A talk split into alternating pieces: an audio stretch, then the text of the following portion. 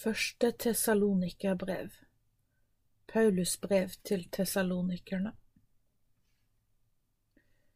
Kapittel 1 Hilsener Vi, Paulus, Silvanus og Timoteus, sender våre hilsener til dere kristne i tessalonikernes menighet. Måtte Gud vår Far og vår Herre Jesus være med dere med sin nåde og fred. Paulus gleder seg over menigheten. Vi nevner dere i våre bønner og takker alltid Gud for dere alle. Vi tenker på hvor flott dere driver menighetsarbeidet, og hvordan dere arbeider med stor kjærlighet og tålmodighet. Dere har et levende håp om at vår Herre, Jesus og Gud vår Far skal virke gjennom dere, og vi er overbevist om at Gud har kalt dere til den tjenesten dere står i. Da dere tok imot evangeliet, fikk dere mer enn ord, dere opplevde Guds kraft. Den hellige ånd kom over dere og bekreftet for dere at evangeliet var sant. Vi kom til dere for å hjelpe dere til å tro. Men til tross for følgelsen og vanskelighetene dere opplevde, tok dere imot evangeliet med Den hellige ånds glede. Slik ble dere Herrens etterfølgere, og dere var alltid veldig villige til å lære av oss.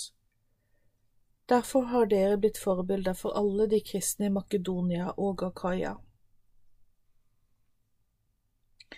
Dere har vært ivrige til å dele evangeliet, ikke bare i Makedonia og Akaya, men overalt hvor dere kom. Historien om hvordan dere overga livet deres til Gud, er velkjent. For hvor vi enn kommer, får vi høre om det som skjedde da vi kom til dere med evangeliet, og hvordan dere byttet ut troen på falske guder med å tjene den levende og sanne Gud. Vi hører at dere venter på at Han som Gud reiste opp fra de døde, skal komme igjen fra himmelen. Det er Han som befrir oss fra straffen når denne verden skal dømmes.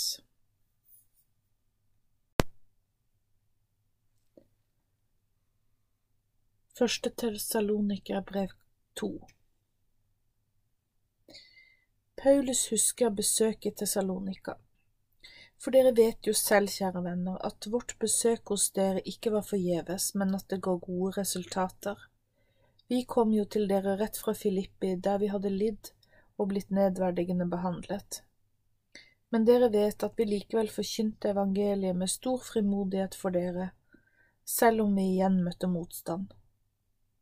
Det virker som om Gud ville prøve oss for å se om vi var i stand til å spre ut evangeliet. Vi kom helhjertet til dere uten falske hensikter eller motiver. Dere skal vite at vi er opptatt av å tale og gi råd slik Gud vil, og vi endrer ikke budskapet for å tilfredsstille mennesker, for vi står ansvarlige for Gud. Dere vet jo at vi aldri har prøvd å smigre dere, og Gud vet at vi heller ikke har forkynt for dere med egoistiske motiver for å få noe av dere. Vi har heller aldri vært opptatt av å få ære blant mennesker, verken fra dere eller fra andre. Det betyr ikke at vi som Kristi apostler ikke har rett til å stille krav. Men vi kom til dere med mildhet og forsiktighet, som en mor som viser omsorg for barnet sitt, fordi vi lengtet så inderlig etter dere. Derfor ga vi dere evangeliet med stor glede, til tross for fare for vårt eget liv, fordi vi var blitt så glad i dere. For dere husker hvordan vi arbeidet og slet hos dere, dag og natt arbeidet vi, samtidig med at vi forkynte de gode nyhetene for dere, slik at dere ikke skulle behøve å forsørge oss mens vi var hos dere. Både dere og Gud vet at vi holdt en høy standard mens vi var hos dere, og det finnes ikke noe å anklage oss for. Dere vet også hvordan vi ga råd, trøstet og underviste hver eneste en av dere, slik en far gjør med sine egne barn. Vi ville hjelpe dere til å leve verdig for Gud, Han som har invitert dere inn i sitt rike og inn i sin herlighet. Derfor er vi veldig takknemlige til Gud for at dere tok imot det vi forkynte for dere. For våre ord var ikke noe vi bare fant på selv, men det var ord fra Gud. Det er nettopp dette Gudsordet som fortsatt virker i dere som tror. Dere måtte også betale en høy pris ved at dere ble forfulgt da dere forkynte evangeliet i Judea. Slik som vi ble forfulgt av jødene, slik ble også dere forfulgt av deres landsmenn. Jødene drepte både Herren Jesus og sine egne profeter, og nå har de forfulgt oss. Dette liker ikke Gud, for jødene står imot alle mennesker ved at de forbyr oss å forkynne evangeliet fra Gud til andre mennesker så de blir frelst. Dette er synd, og begeret er i ferd med å renne over for Gud, snart vil de bli straffet for sine synder. Paulus vil besøke dem på nytt. Men, kjære søsken, selv om vi måtte dra fra dere fremtid, så var vi aldri borte fra dere i vårt hjerte. Derfor har vi gjort alt for å komme tilbake til dere, for vi lengtet etter å se dere igjen. Jeg, Paulus, har forsøkt både én og to ganger å komme til dere, men Satan har hindret meg. For hva har vi å vise til når dette livet er over, hva har vi oppnådd? Dere er et resultat av det, dere er vår stolthet og vår glede. Vi håper på dere. Skal ikke nettopp dere stå klare for Herren Jesus når Han kommer igjen?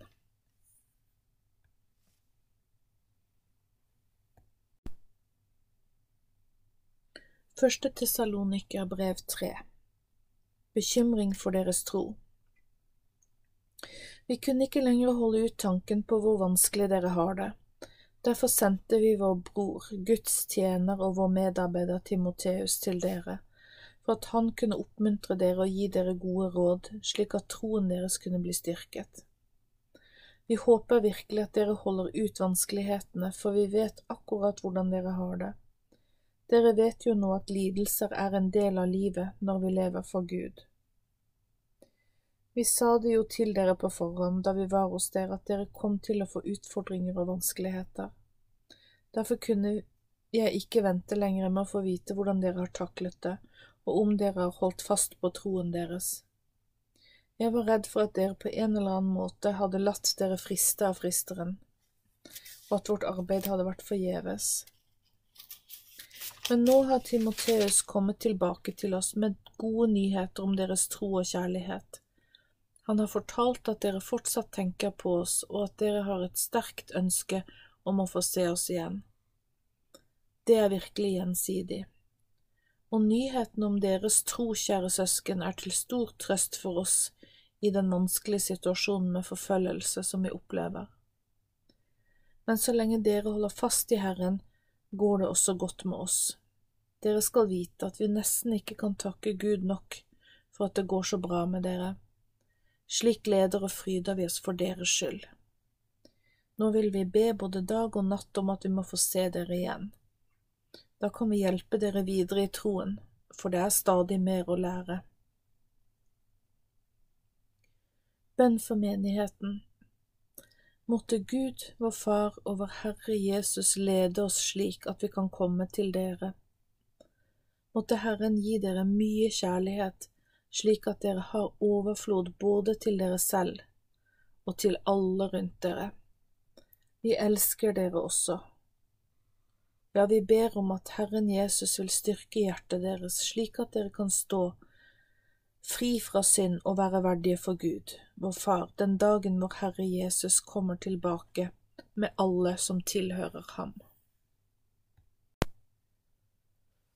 Første Tessalonikerbrev fire Lev rent.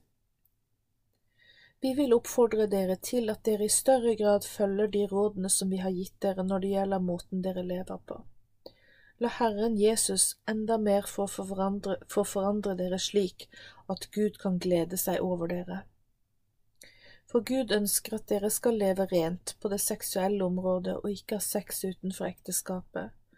Gud vil at når dere er i prosessen med å finne en framtidig ektefelle, skal det skje på en ordentlig måte. Dere skal fange oppmerksomheten til vedkommende ved å være vinnende og imøtekommende, ikke ved seksuelle tilnærminger, slik det ofte skjer blant dem som ikke kjenner Gud. Ingen skal heller utnytte og bedra noen, for Herren er sterkt imot slikt, og de vil få igjen for sine handlinger. Dette har vi allerede undervist dere om, for Guds plan for oss er ikke at vi skal leve umoralsk, men at vi skal la oss bli forvandlet av Ham til et bedre liv. Den som ikke bryr seg om de rådene vi har gitt, er ikke bare ulydig mot mennesker, men mot Gud selv, Han som har gitt oss sin hellige ånd. Dere trenger ikke at jeg skriver til dere om søskenkjærlighet, for det er tydelig at dere elsker hverandre. Dere viser også kjærlighet til de kristne som bor i Makedonia. Men likevel formaner vi dere innstendig, søsken, at dere må bli enda rikere på kjærlighet. Ikke bland dere inn i andre saker, men vær opptatt av å gjøre arbeidet deres på en solid måte, slik at dere ikke mangler materielle ting. Sett pris på å leve et stille liv og vær til å stole på, slik at de som ikke kjenner Jesus, får respekt for dere. Tanken på Jesu gjenkomst skal trøste dere. Kjære søsken, når noen dør, vil jeg ikke at dere skal sørge på samme måte som dem som ikke kjenner Gud. De har jo ikke noe håp om et godt liv etter døden. For dere som tror at Jesus døde og sto opp igjen, skal vite at de kristne som dør, vil bli ført til Jesus. Gud har sagt til oss at de som lever helt til Herren kommer igjen, vil møte Herren etter at de døde har stått opp for å møte ham. For når Herren kommer tilbake, skal det høres et høyt rop fra en overengel, og lyden fra Guds trompet skal lyde over hele jorden. Da skal de kristne som allerede har dødd, først stå opp, og deretter skal vi som fremdeles lever, bli rykket opp i skyene sammen med dem for å møte Herren i luften. Fra den dagen av skal vi alltid være med Herren. Dere skal trøste og oppmuntre hverandre med disse ordene. Første Tessaloniker brev fem Jesus kommer igjen. Det er ikke nødvendig å prøve å forklare dere når Herren skal komme igjen, for dere vet veldig godt at tidspunktet er ukjent. Han skal komme tilbake helt uventet, akkurat som en tyv om natten. For når mennesker aner fred og ingen fare og fortsetter å leve på en måte som går stikk i strid med Guds vilje, da er plutselig dagen der, og oppgjørets time er kommet. Ødeleggelsen har kommet over dem, for de skal slett ikke slippe unna. Men dere som har tatt imot Jesus som deres redningsmann, må ikke bli overrasket den dagen han kommer. Dere har ikke noe å frykte når Herren kommer tilbake, for dere er jo Guds barn og har latt ham få slippe sitt lys inn i dere, så dere ikke lenger lever et liv i mørket. La oss derfor ikke bli sløve som de andre, men la oss være våkne og edrue. Vær på vakt og la ikke mørket få komme inn i dere for det er jo om natten folk sover eller drikker seg fulle. La oss som vil leve i lyset være edru og våkne så vi kan stå imot i livets kamp. La oss beskytte hjertet vårt med troens og kjærlighetens skjold, og beskytte hodet med håpets og frelsens hjelm. Gud hadde aldri tenkt at vi skulle ende opp med hans straff. Nei, han har alltid tenkt at vi skulle bli reddet av Jesus ved at han døde for oss og ble vår Herre og Frelser. Nå kan vi leve sammen med ham enten vi lever eller dør. Med disse ordene kan dere fortsette å trøste og oppmuntre hverandre. Forskjellige råd Nå ber vi dere på det sterkeste, kjære søsken, at dere respekterer dem som arbeider hardt for å lede menigheten inn på den rette vei. Dere skal vise dem stor kjærlighet av respekt for den oppgaven de har fått i Guds rike hold fred med hverandre. Vi må også be dere om å advare dem som lever livet sitt helt uten styring. Trøst dem som er motløse og triste. Hjelp dem som er svake, vær tålmodige med alle. Pass på at ingen hevner seg som de skulle bli utsatt om de skulle bli utsatt for noe vondt, men prøv alltid å gjøre det som er positivt og godt både for dere selv og for alle. Vær alltid glade, be hele tiden og takk Gud uansett hva som møter dere. For Gud vil at de som lever for Jesus skal preges av takknemlighet. Ikke undertrykk Den hellige ånd. Ikke vær negativ mot de profetiene som kommer, men vær heller ikke for godtroende. Vurder det dere hører, og ta vare på det som er bra. Hold dere unna enhver form for ondskap. Velsignelse og bønn Må Gud selv, Han som er fredens Gud, forandre dere helt slik Han vil, og må Han ta vare på sjelen, ånden og kroppen deres, så dere er klare nå når vår Herre Jesus kommer igjen. Gud som har gitt oss oppdraget, er trofast og vil ta seg av oss. Kjære kristne søsken, be for oss. Bring våre varmeste hilsener til alle de kristne. Jeg pålegger dere i Herrens navn å lese opp dette brevet for alle de kristne.